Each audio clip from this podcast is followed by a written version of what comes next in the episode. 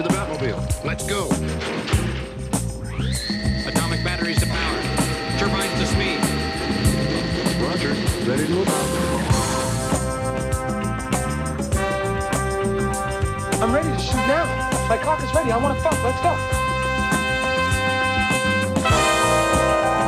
Starring the mad prophet of the airways,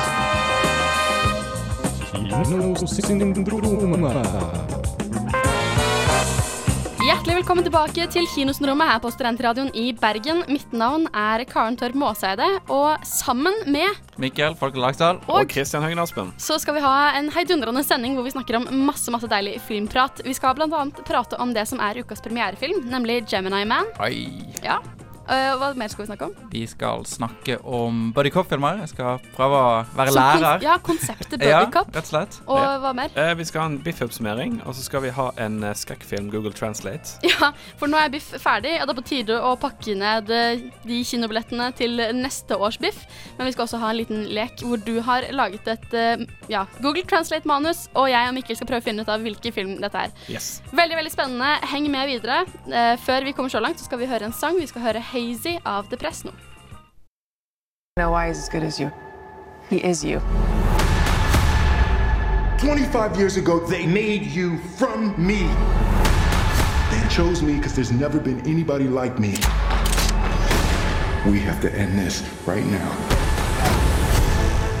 Det vi hørte der, var et bitte, bitte lite utdrag fra Gemini Man med Will Smith, eh, blant annet. Eh, Og det er ukas premierefilm her på Kinosyndromet. Den kommer ut eh, nå denne uka, denne fredagen, hvis ikke jeg tar helt feil. Og sånn kort oppsummert, det er bare jeg som har sett den. Den handler om Will Smith sin karakter, da. Som, som Gemini er Man. Ja, han heter ikke Gemini Man, men uh, du, du glemmer hva han heter, for å si det sånn. Det, det tas ikke opp veldig mange ganger. Jeg tror han heter Brand... Brandy eller Brandon? Et eller annet. Jeg husker ikke. Men uansett. Den handler om Will Smith sin karakter, som er en eh, veldig, veldig, veldig veldig dyktig DIA-agent. Ja, ikke CIA, en DIA-agent. Er det over eller under si? Under, kanskje? Jeg vet ikke. Eh, men han er i hvert fall dritgod til å skyte. da. Han kan skyte en mann som sitter på et uh, tog i bevegelse to kilometer unna med én kule.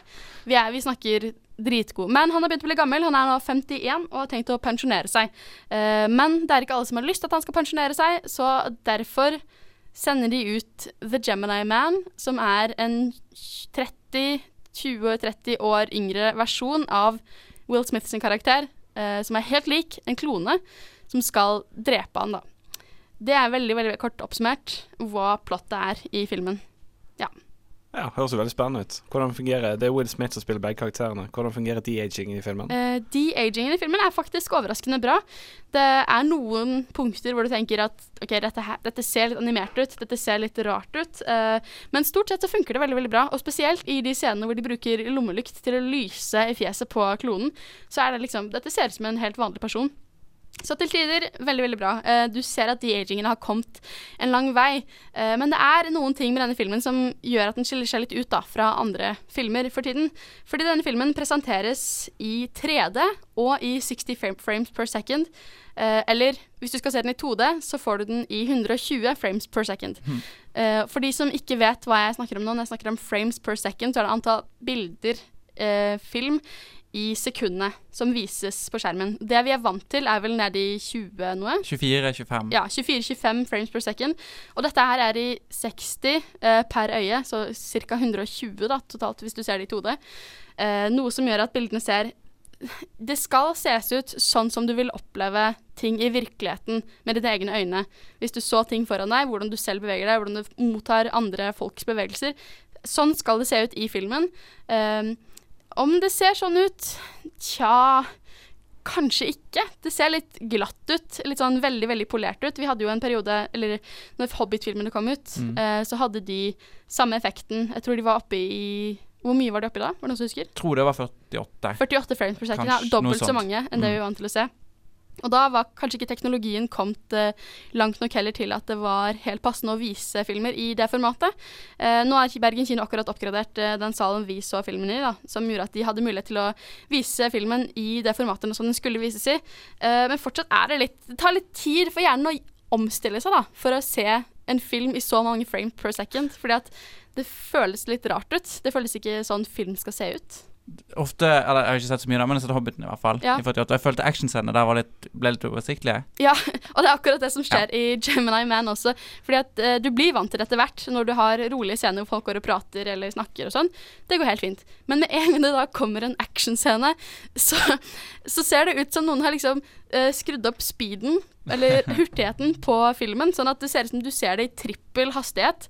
Hvor folk bare går helt bananas og sparker og slår rundt seg, og det ser, det ser helt uekte ut, da. Uh, ikke sånn som en vanlig slåsskamp ville sett ut, mener jeg.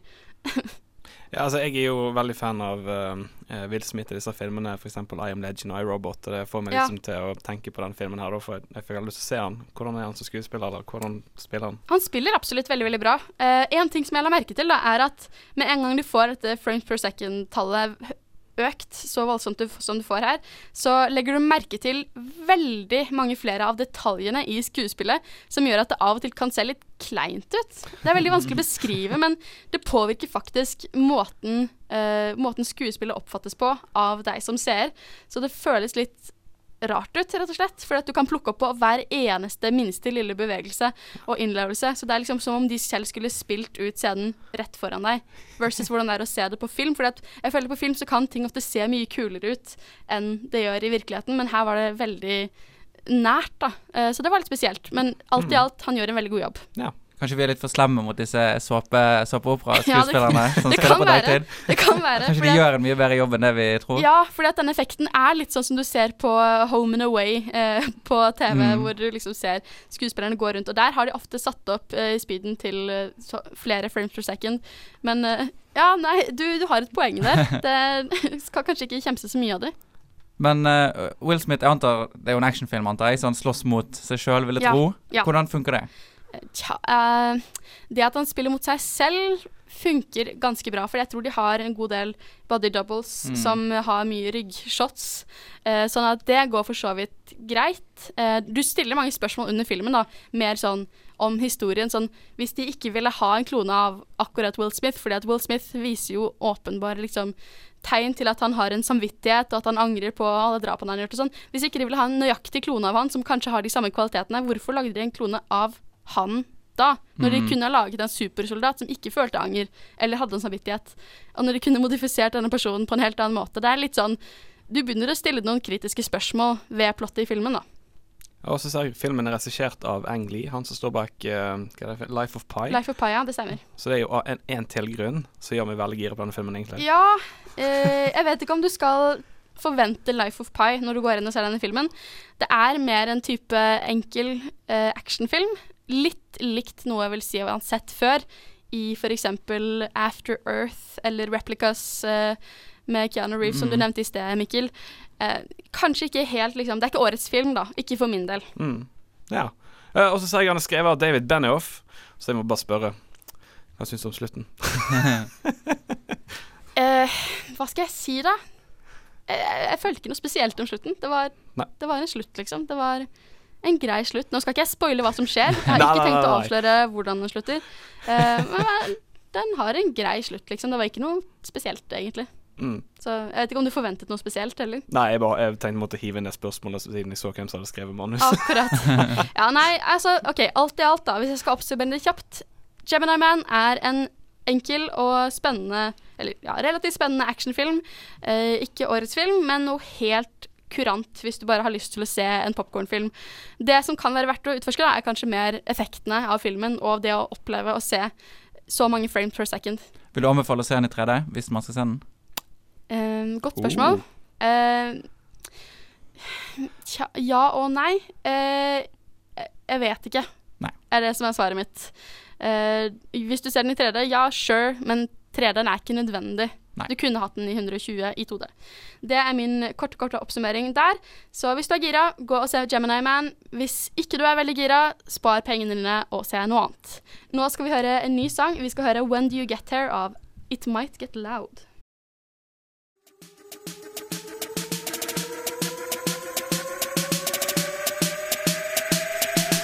Turn down for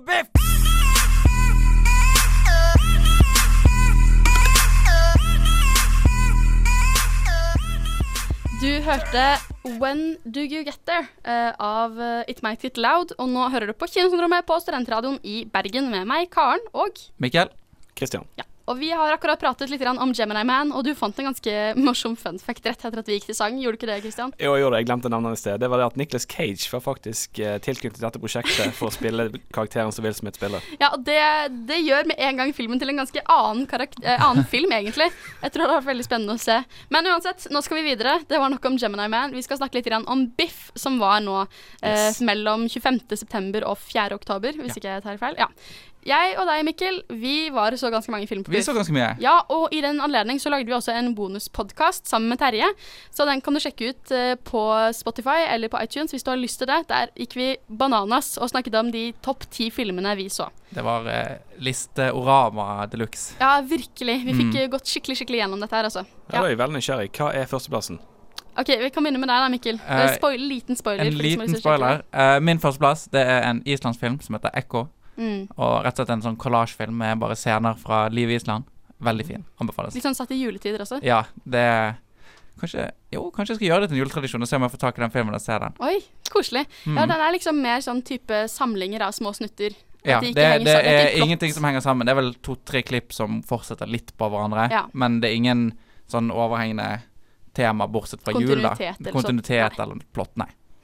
Så jeg synes det var veldig veldig interessant. Jeg fikk ikke sett den, da, men eh, jeg ble jo litt eh, interessert i å sjekke den ut. Mm. Eh, den som hang på min førsteplass, det var en liten rakker som flere sikkert har hørt om, som heter Parasitt.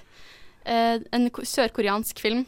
Skikkelig, skikkelig bra. Og den var på din liste også, var den min ikke liste, ja. det, stemmer. Ja, det handler om en uh, familie da som, eh, som sakte, men sikkert infiltrerer en rikmannsfamilie og liksom uh, blir ansatt til å gjøre forskjellige jobber, og så tjener de masse penger av denne rike familien. da. Jeg skal ikke si så veldig mye mer enn det, men det er Utrolig, veldig, utrolig morsom. ja, veldig, veldig Helt til morsom. han plutselig ikke er lenger. Nei, uten og, å si noe mer enn det. spennende. Uh, og liksom sånn, du sitter på kanten av stolen i nesten halve filmen og er sånn wow. Veldig, veldig spennende. Jeg trodde at det skulle være en skrekkfilm. Utenom det så hadde jeg ingen andre forventninger, og jeg har ikke lyst til å gi noen andre noen forventninger heller. Så rett og slett bare å se den. Ja. Rett og slett. Men du var ikke på Biff, Kristian Christian. Nei, jeg har faktisk ikke sett én film. Litt, uh, litt, skam, litt, litt skam i det, faktisk. Ja. Men uh, jeg lovet bedre neste år.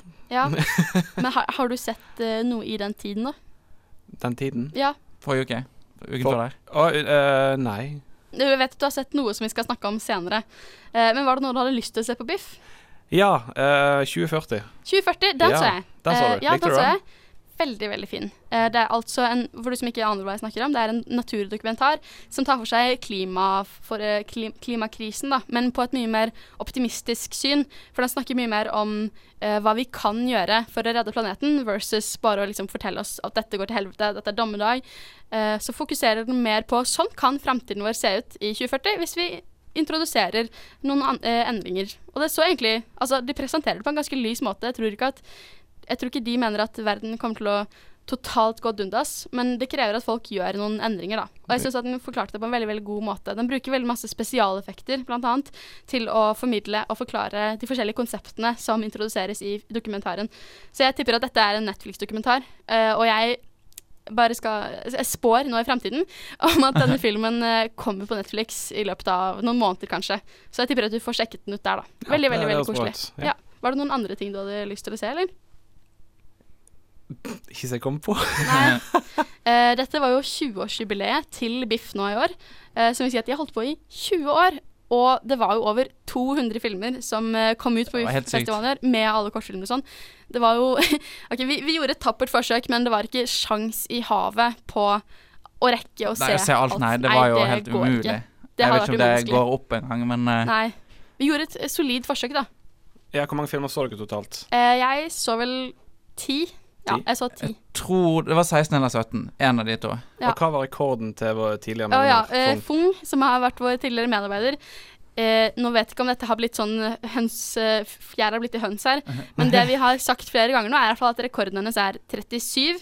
Jeg lurer på om det er 35, kanskje. Ja. Godt over 30 Men det er uansett inhumant mange filmer. Hun må ha sett eh, film i seks timer om dagen hver eneste dag. Back også, to back i Hun, strekk. s- hun så dobbelt så mye som meg, da. Jeg var eh, ganske sliten etter uh, uken, så Ja. bare Ja, jeg var ganske kjørt etter bare ti Mm. filmer. Eh, det, det tok på det, altså. Ja, ja, ja, nei, det tar på seg film, så det Ja, det er ikke noen enkel jobb, for å si det sånn. Du skulle tro det at det å bare sitte på ræven og se var eh, ikke var vanskelig, men jeg lover deg, når du har sett eh, filmer i så mange timer om dagen, da er du ganske sliten. mm. Jeg for meg. Og vi så også noen filmer Vi så en film sammen, Det gjorde vi. eh, sammen med Lucas og Terje, som heter High Life.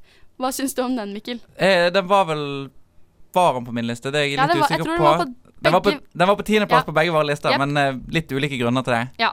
Um, men, Av min grunn var det rett og slett fordi du hadde sett ti filmer, og den har den på sisteplass. Det var en film under den for min del. Ja. Uh, nei, den traff meg litt. Jeg snakket litt om dette på podkasten, men det når man liksom har sett nok filmer og er ganske sliten, det er bare å kunne lene seg tilbake og se en veldig visuell film og bare liksom være med på lasset uten å tenke så mye over historien, uh, traff meg veldig. Ja.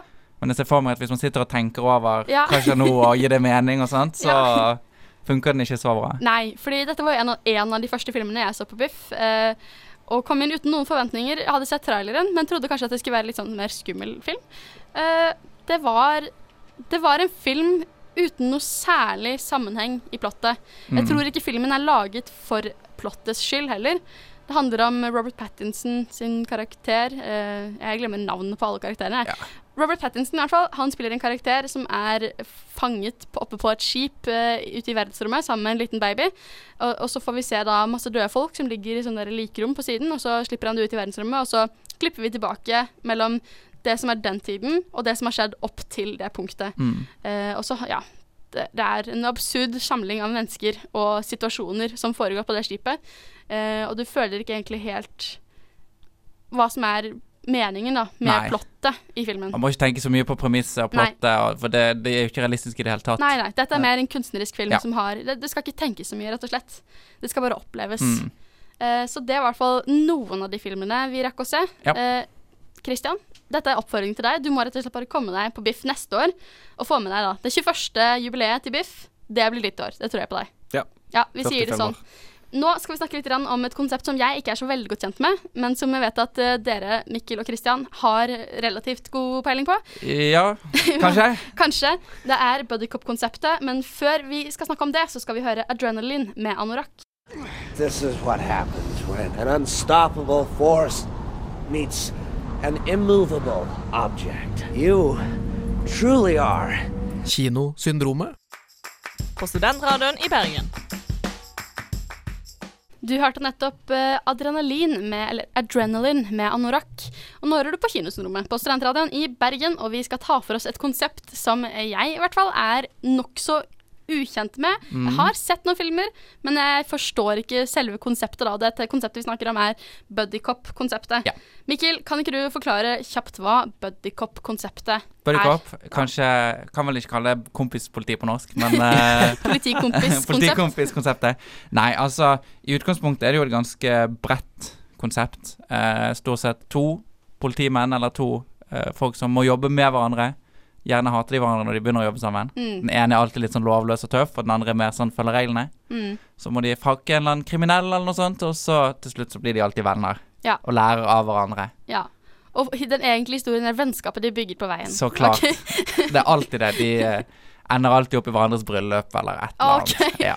Jeg skjønner. Eller liksom en sånn bromance. Det blir en veldig bromance-greie etter hvert. Ja. Ja, det kan både være en komedie og en thriller. Det kan være en kombo av begge sjangrene. OK, så det Mm. må ikke være en sånn enkel komedie. Nei, nei, nei. Kan man se, kan man se buddycop-filmer i sci-fi, eller i drama, eller i skrekk? Ja, det vil jeg si. Det er artig du nevner sci-fi, for jeg ser for meg en sånn buddycop i den nye upcoming uh, Star Wars-serien med K2SO og eh, han andre fra, Ja, K2 og eh, han eh, eh, fra Rogue One. Ja, riktig. Ja, OK. Men hva er, hva er din take på buddycop, da, Christian? Uh, nei, jeg tenker sånn type sånn Rush Hour 4, eller Mm. Rush Hour-filmene. Eh, Little Weapon, uh, Beverly Hills Cop. Ja. Og så hvis du har litt mer komediesjanger, da, så tenker jo jeg uh, Jump Street. Mm. Og eh, Hot Fuzz er jo en klassiker. Ja, akkurat. Ja, OK. Men må det være politifolk for at det skal være en buddy buddycop-film? Eller er det sånn Hvor går grensen, da, mellom en buddy cop-film og eh, Altså med politi, og en buddycop-film som er to folk som må løse et problem sammen? Nei, altså det, viktig, det viktigste er vel egentlig bare at de må jobbe sammen, tenker jeg i hvert fall. da Ja. At Om det er politi eller ikke, er jo ikke så veldig viktig. Nei. Um, Men jeg tror buddycop er det som er mest utbredt i forhold til sånne, den typen filmer. Ja, sånn type Men in Black. Ja. Det er en Ja, buddycop-film? definitivt. Ok, ja, ok, Um, ja, jeg skjønner litt mer. Uh, hvis dere skulle anbefalt en buddycop-film, da, har dere en favoritt som, dere, som liksom kommer til minne når dere tenker på buddycop? En, en film jeg sikkert har sett ti ganger til sammen på TV og alt mulig. Sikkert de der Dødelige våpen-filmene. Ja. Den, den første er jo, eh, så vidt jeg kan huske, i hvert fall mer enn en mer sånn tradisjonell krimfilm, da. Der de må løse mysterier med litt humor i, og så blir det liksom mer og mer eh, tullete jo lenger ut de kommer i serien, som det ofte Mm. blir. Ja, Jeg òg liker veldig godt i filmene, Mm. men Beverly Hills Cop er jo òg dødsbra med Eddie Murphy, den første. Ja. eh, er ehm, OK, jeg så en film i fjor som het eh, The Hitman's Bodyguard. Er det en buddycop-film? Ja. The Hitman's Bodyguard med, med Ryan Reynolds og eh, Samuel Jackson. Ja, det har vil dere du ikke sett den? si. Nei, jeg har ikke sett den. Det er, der, er det der han må beskytte eh, Sam Jackson? Nei, Eh, nei. det er andre veien, kanskje? Ja, nei, de er egentlig rivaler, da. Ja. Som skal Og så fikk tidligere Sam Jackson fikk Ryan Reynolds sparket fra sikkerhetssjefjobben sin. mm. Eh, og så blir de nå sendt ut på samme oppdrag. Uh, de har samme Ja, det er mål. definitivt en Ja, buddycop-film. og så blir de superbros. Ja, definitivt. Kanskje Kjempemorsom film. Kjempegodt eksempel. Høres ut som De fortsatt litt sånn hater hverandre, men de blir litt glad i hverandre også. Ja. Den hat er på utsiden, og innsiden er det ekte kjærlighet. Og siden vi nevnte det med å utvide um, litt horisonten, så har du jo òg buddycop dog-filmer. Buddycop Der du har en politi, og så har du en hund som hjelper han. For eksempel eh, Vent litt. Grann. Stopp en hal. Vil du si at John Wick er en buddycop-film? Hun er vel ikke så mye med i John Wick, da. De første ti minuttene Ja, de av første ti minuttene av John Wick er en buddy-cop-film. Etter det blir det action. Buddy som i My Little Hairy Buddy Cop-film? Ja. Ja, noe sånt. Ja. OK, nei, vent litt. Hvorfor er Men det er hvorfor kan buddy, si buddy at- cat-film. Er Ja, finnes det Kan man utvikle dette, Buddy denne sjangeren? Cat. Eller bare buddy cat. du kan, nei, grunnen til at jeg tar det opp, er fordi at det er tre filmer fra 90-tallet, f.eks. K9, der det er en politimann og en schæferhund som kjemper i lag om kriminalitet. Vil man si at Postman Pat er en buddy cop-serie? kan man dra det så langt? Hvor, hvilke hvem, rammer hvem er, finnes hvem er buddyen til Postman? Eh, katten, den svarte Ja, så klart. katten. Så Ja. klart. Buddy cat-film. Eller buddy cat-serie. Men OK, dette må jo ha noen rammer. Dette må være noen grenser for hva som kan være en buddy cop-film. Er det noen begrensninger her? Det er vel på samme måte som med f.eks. westernfilmer, at man kan kalle det meste en westernfilm hvis man Ja. tar de løseste definisjonene på det. Ja. Spagetti buddy cop. Spaghetti Buddy Cop finnes garantert. Um, de lagde jo mye rart i Italia på, på 70-tallet. Uh, den der ene filmen som er med i Once Upon a Time in Hollywood, der når uh, Leonardo DiCaprio drar til Italia, Ja, riktig. det vil jeg nok kalle en, uh, en buddy, buddy cop-film. Hvor løst kan man ha dette begrepet, da? Er det liksom Kan man kalle alle filmer en buddy cop-film hvis det er to venner, eller to folk som må jobbe mot hverandre, og som blir venner? Ja, ja, altså Selv Eller kan man ha buddy cop-elementer? Jeg ville nok ikke kalt f.eks. 'Ringenes herre' en buddy cop-film, bare fordi de, de reiser sammen på et oppdrag. For de er jo venner fra før av. Ja. Eh, det må Ja, liksom være litt med Da er du over grensa, tenker jeg. Ja, det, det, det syns jeg Er òg. eh, Legolas, Aragorn og Gimli er det liksom en sånn buddy cop-team? eller? Ja, ja, De er jo tre motstående ja, liksom, de grupper. kan man si har elementer av det, da, på en måte. De blir jo bros etter hvert og, og blir gode venner. Hmm. Veldig, Men om det er en Buddy Cop-film, det vil jeg ikke si, nei. Nei. Tror dere at det kommer mange buddy cop-filmer framover? Er dette et konsept Det- som er hva, altså, Har Buddycop-filmene hatt sin storhetstid? Ja, jeg, jeg tror litt det, for at jeg merker det kommer litt mindre og mindre av dem. Det er mer av dem før, Ja. det vil jeg si. Og de som kommer nå Nå er jo Rush Hour 4, eller var det 5? Vi snakket vel om det sist også. Jeg tror Nei, det men er det 4. kom fram til at det er fire som kommer. Ja, og den er annonsert. Den Chris Tucker er tilbake. Eh, Eddie Murphy har nettopp kommet med den der eh, My Name Is Dolomite. Har vel snakket om at han vil lage noen flere oppfølgere. Ja, ja, han eh, kommer nå med Jeg tror det er Coming to America 2, men mm. etterpå den skal han lage Beverly Hills Cop 4, Yep. så det blir bra. Mm. Er det en tradisjon Ok, Jeg merker et mønster her. Er det en tradisjon at buddy cop-filmer får oppfølgere og lange serier? Altså Kan man Eh. da kalle Fast and the Furious en buddy cop-film? Jeg ville kalle i hvert fall den, den er nye, den eneste jeg har sett, der, men den Hobson Shaw. Det er definitivt, Shaw, ja. definitivt en buddy ja. For de hater hverandre når de begynner, og så blir de venner på slutten. ja. men de andre er vel kanskje ikke det, da? Eller Fast and the Furious? Nei, vil si, jeg vil ikke kalle Fast and Furious en buddy cop-film. Nei. Mer Hobson Shaw, men jeg har ikke sett Hobson Shaw, men ut ifra at det er Jason Statham og Dwayne Johnson som kjemper i lag, så er det Ja. jo ja. Kevin okay. Hart er jo på en måte blitt den som bringer buddy cop-filmene videre, føler jeg. uh, han spiller jo mye, mye rart, men uh, hva var det vi kom fram til at de het, disse her uh, Det var Central, Get Hard. Central Intelligence. Central Intelligence er vel den kroneksempelet på en moderne buddy cop-film. OK. Ja, men da har jeg i hvert fall et litt klarere bilde av hva buddy cop-konseptet går ut på, og hvilke grenser som vi kanskje kan sette rundt det. Uh, ja, det virker som en veldig koselig gjeng med filmer, eh, så jeg har mye koselig å se framover. Vi skal snakke litt grann, Vi skal ha en lek nå etterpå. Christian, du Mhm. har presentert den for oss. Jeg gleder meg veldig, men før vi skal ha lek, så skal vi høre Lucky med Marius. Big man in a suit of armor. Take that off. What are you? Genius billionaire playboy philanthropist.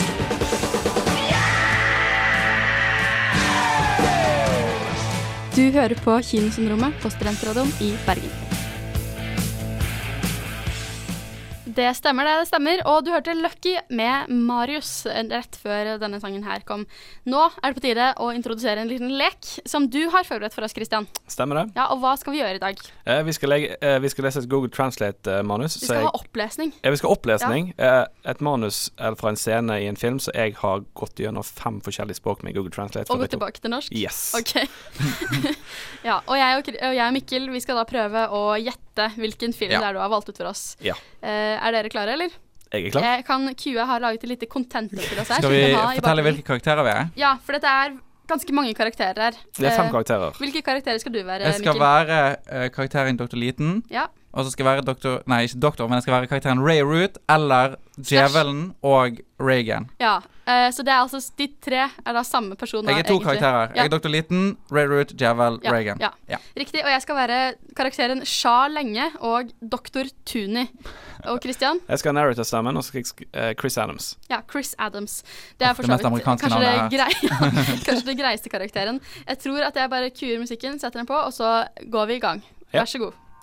Vi hørte en dørklokke og trappene toalettet kjørte til. Svar på det, men ingen lyd kan hindre Reagan i å skrike ovenfra. Punkter. Skjønnhetssalongen åpnet døren. Doktor Liten. Ja, jeg er Dr. Light. Det er Dr. Danny. Som du vil. Ha Hallo. Ting har blitt verre av telefonsamtalen. Bedre. Trenger det opp trappa. Oi, det var meg igjen. Ja. Er det pinlig igjen? Ja, men de vil, de vil være voldelige. Medisinene gir deg det du trenger. Blå. Hva er det? Eh, hva er det? Sorry, det var meg igjen. To, det var mye navnet. Ja. Tor Sine sagt før at det var Rytalin. De er i nærheten av inngangen til Reagan. Sharon banket på døra. Chris. Lege. Chris åpnet døren. Fru McNeil, det er Dr. Tenney. Vi så Reagan sitte i sengen hennes og slo kroppen mot den madra på madrassen mot ryggen. Mamma, vær så snill! Å, mamma, stopp det! Det brenner! Det er det! Mamma, vær så snill! Så noe. Doktor, hjelp. Stopp! Det gjør vondt! Mamma, gjør! Reagan skrek plutselig. Øynene vendte seg bort, og nakken hovnet. Unormal. Hun sto på sengen. OK, Reagan. La oss ta en titt. Reagan ga hånden tilbake og fløy tilbake. Eh, og Reagan. Vennligst gå! Dette er mitt. La meg sykle! Damn! La meg sykle. Hun lente seg tilbake og begynte å skrike igjen. Pakk sekken min. Skjønnhetssalongen tok tak i Klein og Carl på Reagan for å stoppe. Skrek. Hva gjorde Chris med skrekken fra å skrike? Hun så det bare. Carl og Britney blir, står det mange navn. blir Dr. Ronald Reagan. Klein, klein. til Forbered en sprøyte før avhending. For langt borte fra meg. Fortsett, mamma. Omfavn deg. Omfav deg selv. Dr. Klein sprøytet nålen og toalettet fjernet Chris. Når? spørsmålstegn. Da døren lukket, skrek Reagan lydløst. Interiør McNeil ned andre etasje. Chris og Sharon sitter i gangen med hodet i hendene. Klein og Tenney forlot rommet og nærmet seg. Chris inkluderer nummer no. Inkludert nummer. Hun er veldig rolig. Hun vil nok sove gjennom i morgen. Hva skjer i ingenting? Hvordan er det mulig? Hoppet hun under sengen? Da? Tilstandspatagoli kan øke. Øke unormale krefter. Motorrystelse, f.eks., går kvinne 90 pund. Babyen blir fanget i neste runde lastebil. Han kommer for å løpe og løfte. Hjulene ligger en halv fot fra bakken. Du kjenner selve historien. Ting her Jeg mener det samme prinsippet. Så hva vil skje med henne? Vi har fortsatt bladene er. Hva snakker du om? Forelsket i Kristus? Så du din? Kan fremdeles ikke behandle henne som en prinsesse med sin fy sy f- psykiske form, sykdom eller skilsmisse eller Foreløpig blir det ikke mer enn 100 bekreftede saker innkalt. Den såkalte personlighetsendringen, frøken McNeil. Nå er fristelsen jeg kjenner. Det hopper en til mental sykdom, men enhver fornuftig psykiater gjør det. Muligens for oppsigelse er den første. Så hva følger? Jeg tror lungeanigografi kan redusere denne skaden.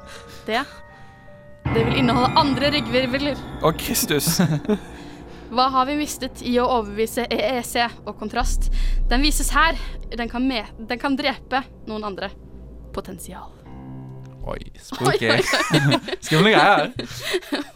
Absolutt eh, veldig, veldig skummelt.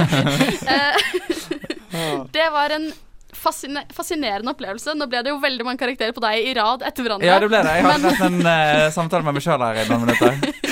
Veldig bra jobbet, Mikkel, og veldig bra jobbet, Kristian. Det var veldig, veldig morsomt. Uh, ok, Jeg tror at jeg har en liten mistanke om hvilken film dette kan være fra. Har du noen mistanker, Mikkel? Ja, jeg tror jeg skjønte det etter hvert, Ja. når jeg begynte å måtte snakke som djevelen. Da. Kan det være at dette utdraget kommer fra filmen 'Exorcisten'? Eller 'The Exorcist'? Det er helt riktig. Ja! Oi, oi, oi. Godt Var det det som var ditt gjette? Ja, det var det jeg skulle gjette også. Okay. Men du, du gjett, jeg antar det var den du ville gjette før vi begynte, Ja, altså? det var den jeg hadde lyst til å gjette før vi begynte. Å, du, Ja. Har du sett den? Du hadde ikke Nei, sett den? jeg har ikke sett den. Nei, jeg har ikke sett den Jeg har sett et par okay. klipp, da. Fra, ja. Ja, Innenfor skrekksjangeren så er det en klassiker, så den Ja. må dere få med dere. Nei, jeg vet det. det var, jeg har fått med meg nok til å vite om den, Ja. men ikke å sett den. da Jeg har sett det når hun spyr, når hun blir sånn gal.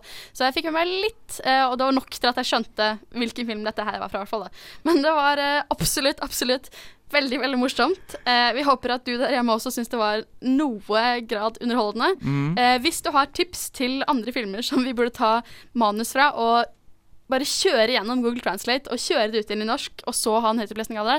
Ikke nøl med å sende det inn til oss, så kan vi lage flere slike, slike innslag, da. Uh, ja. det, var, det var veldig, veldig morsomt. Jeg tror vi må gå videre til sang før vi går videre, for vi skal snakke litt om en serie som heter Fleabag, som uh, ligger på Amazon Prime, som jeg har sett, og som jeg absolutt i varmeste rad har lyst til å, snakke om. Først skal vi høre Boy Bye av Brockhampton.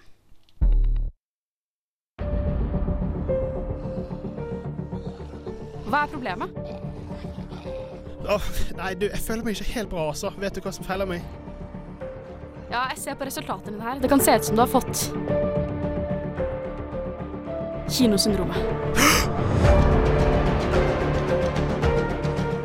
Du hørte Boy Bye av Rockhampton, og nå er du tilbake ved kinostrommet med meg, Karen. Mikkel? Og Christian. Ja. Og vi skal snakke litt om en serie som har florert eh, en stund på Amazon Prime, eh, nemlig Fleabag. Denne serien, har dere sett den, eller? Ikke sett den. Jeg har ikke sett den. Tror må den ut. Da blir dette min anbefaling til dere i dag. Noe dere absolutt kan kose dere med i helgen. Uh, ok, Jeg kan gi et kort oppsummering av plottet. da Fordi serien handler om uh, Det er en komedie som er basert på et teaterstykke som også heter Fleabag. Nå er den sendt til Amazon Prime, og det handler om en dame som vi bare kjenner som Fleabag. Vi vet faktisk ikke hva hun egentlig heter. Jeg tror ikke det blir nevnt uh, Jeg tror kanskje ikke det blir nevnt nesten et eneste sted gjennom serien, om, om noe. Eh, Men hun prøver da å takle livet etter hun har gått gjennom en tragisk hendelse, og prøver å etablere seg i London. Det er sånn superkort, uten å spoile noen ting, hva filmen handler om. Høres kanskje ikke så spennende ut in the first place, men det er en hysterisk morsom, morsom serie. Uh, det er bare kjempe, kjempemorsomt. Og vi har i, i hovedrollen så har vi uh, Phoebe Waller-Bridge, som noen av dere kanskje kjenner. Uh, Ja. jeg har hørt navnet. Hun har vel både skapt serien og spiller hovedrollen, forstår ja, jeg? ja, det er sånn jeg har skjønt det også. Eh, og så har vi også Andrew Scott, som noen kanskje kjenner fra Sherlock, som spiller Moriarty. Mm. Han, spiller i hvert fall i, han spiller i hvert fall i andre sesongen. Uh, ja, for jeg må komme med en liten innrømmelse her. Okay. Uh, det er to sesonger av denne serien, og hver sesong har seks episoder. Det er 20 minutters episoder, så det går kjempefort å se det. Jeg trodde i god tro at jeg hadde sett sesong én av denne serien. Eh, og så skulle jeg se trailere nå for å sjekke om jeg hadde gått glipp av noe. Eh, og så viste det seg da at jeg har sett sesong to, eh, og ikke sesong én ennå. Men de går faktisk greit, fordi sesong to forklarer på en måte det meste på en grei måte. Som, jeg ble ikke veldig forvirret. Det var kanskje én eller to elementer som jeg syntes var litt merkelig at de ikke tok opp, fordi de introduserte det så vidt i sånne små flashbacks, og så tok de det ikke opp. Så var jeg sånn Ja, OK, det var vel sikkert Ja, ja, men det går fint. Altså, Jeg skjønte alt det andre som foregikk, og jeg syns fortsatt, selv uten konteksten fra sesong én, at det var veldig, veldig, veldig morsomt. Ja. Det er i hvert fall ikke verre enn eh, når jeg skulle se på Hannibal. Hadde gledet meg voldsomt til sesong tre skulle komme ut. Honeyboy? Ha Hannibal, Ja, eh, Hannibal, serien ja. med Hannibal, Mads. Mikkelsen. Ja. Eh, og hadde gledet meg voldsomt til sesong tre skulle komme ut, og satt klar. Eh, Mm. Skrudde på det jeg trodde var sesong tre. Tenkte sånn, Det var mye flashbacks i denne serien her, da. Så sikkert to og en halv episode før jeg sjekket liksom hva som sto der. Viser at jeg hadde begynt på sesong to oh. på nytt. Så okay. det var rett og slett uh, konstant flashbacks, for jeg hadde sett det før. Ja, ok. Ja, sånn, sånn kan skje, Ja. rett og slett. Uh, men det er ikke verre enn at man innser det etter hvert, da. Mm. Og det, i Fleabag så gikk det helt fint. Det er to sesonger, som sagt. Bare seks episoder i hver eh, sesong, og de er veldig veldig korte. Så det er veldig lett å sluke. Lett å binge. Så hele sesong to på en dag. Ja, jeg har tenkt å spørre deg, i, hvis du hadde sett begge sesongene, for at det er time jump på tre år før de lagde sesong Ja, to, om det er noe korrekt. sånn at han gjør det i serien òg? Um, ja Den ikke nødvendigvis eh, Nå kan ikke jeg 100% fortelle om dette her. Da. Jeg vet at det har gått en tid, fordi at de har små flashbacks i sesong to til noe som har skjedd i sesong én. Som jeg vet hva er nå, da. Jeg har fått en liten spoiler fordi jeg så sesong to først. Mm. Eh, men de har små flashbacks i ny og ne. Men det handler mer at hun skal komme videre. Eh, så det har gått en liten tid, men ikke nødvendigvis altfor lang tid, da. Eh, hun sliter fortsatt med, flere av de samme problemene som hun har i sesong én fra starten av. Mm, Og så jobber hun med å komme over de. Uh, nei, absolutt veldig, veldig morsomt. Uh, hun Fleabag, da, hun er jo en sånn litt katastrofal karakter mm. som har mange problemer som hun er nødt til å finne ut av. Og noe hun gjør i løpet av serien, er at hun ser veldig mye inn i kamera. Mye fourth wall breaks, fordi at hun snakker ofte til publikum liksom sånn Hallo, snakker vi om dette? Liksom, «Å, dette var sykt kleint. Uh, men mange av karakterene liksom Av og til legger de merke til det og blir sånn Hva? Hvorfor, hvorfor, er du, hvem er det du snakker til? Eller hvem er det du ser på? Fordi at uh, greien er at de kan ikke høre henne når hun snakker til oss, men de kan se at hun ser en annen vei. Mm. Sånn at av og til så glemmer hun å gå inn i den fourth wall breaken, og da hender det at hun glipper, og så sier hun det høyt til karakterene i serien, i, stedet for at hun skulle si det til oss. Oi. Litt mange, mange nivåer her. Ja, det er mange nivåer, men det, det balanseres veldig fint, egentlig. Ja, ja, for jeg hadde tenkt å ta det opp, for at jeg så traileren, og da så jeg at hun snakker inn i kamera. Jeg tenkte Mm. litt sånn House of Card-greier. Men så hun snakker Folk kan høre nå, liksom, så de Ja, reagerer på det. Nei, stort sett ikke. Okay. Eh, karakterene i serien forstår ikke, eller de får ikke med seg at hun sier noe, i hvert fall. da. Eh, de kan av og til plukke opp at hun ser en annen retning, men som regel så hører de ikke det hun sier til oss som er seere. Så hun kan liksom komme med sånne små kommentarer sånn 'Å, se på han', eller sånn 'Å, så kjekk', et eller annet sånt. Bare sånn små winks i ny og ne, og de er så utrolig godt plasserte. Jeg syns det er skikkelig bra komedisk timing, eh, og det passer så bra med karakterene hennes også. For det legger så mye mer personlighet inn i det, så du, du følger mye bedre med, da. Ja, Og hva er lengden på episoder? Ca. 20 minutter til en halvtime. OK, Ja, så det er en sånn typisk sitcom-lengde? Ja, men jeg føler ikke at serien er en sitcom. Nei, den er mye vet ikke. smartere enn det. Ja. Eh, så det, det, det passer veldig bra, og det er veldig lett å se. da. Derfor syns jeg det er fint å anbefale dette her. fordi at av og til så orker man ikke å sitte seg ned og se en episode som er en time lang, hvor man må investere tanker og følge skikkelig godt med, og liksom uh, holde styr på alt sammen, og at det blir tungt å svelge i lengden. Det er ikke noe du binger, men Fleabag, det kan du sluke rått omtrent. altså Snøre og eh, agn, alt mulig. Eh, jeg gjorde i hvert fall det. Sesong to. Jeg har eh, igjen å se sesong én, men det tenker jeg at jeg skal kose meg masse med nå i helgen. Eh, så ja. Eh, ble dere i det hele tatt interessert i å se Fleabag, eller? Det høres veldig spennende ut, da. Ja. Med den der eh, forskjellige karakterene som reagerer på Ja. Ja, Det er litt det forvirrende ut, men det kan hende det funker. Ja, det hender av og til. Uh, men det er veldig veldig morsomt når det skjer, for de ser jo ikke at det er noe kamera der. Nei. Sånn at de ser på en måte inn i kamera, men de ser ikke inn i kamera, hvis du skjønner. Mm. Ja, det, det funker veldig, veldig bra. Uh, nei, ja uh, Jeg må bare anbefale den. Jeg har ikke så veldig mye mer så. Jeg har ikke lyst til å si noe mer om plottet, fordi at det må rett og slett bare oppleves. Ja, Må sjekke den ut. ja Det sjekk ut. Og den ligger på Amazon, forresten. Eh, et abonnement på Amazon. Jeg tror du får en prøveperiode gratis. Det er 14 Og dager gratis, tror jeg. 14 dager gratis, og så tror jeg det koster ca. 30 kroner i måneden, eller noe sånt. Ja, det er vel ganske billig. Det er ganske billig. Det er Ganske rimelig, ja. Ja, når det kommer til strømningstjenester, så er det relativt rimelig. Så absolutt, gå og sjekk ut Fleabag på Amazon Prime i dag. Nå skal vi høre In My Arms med Wolfgang Wee. That will conclude this evening's entertainment.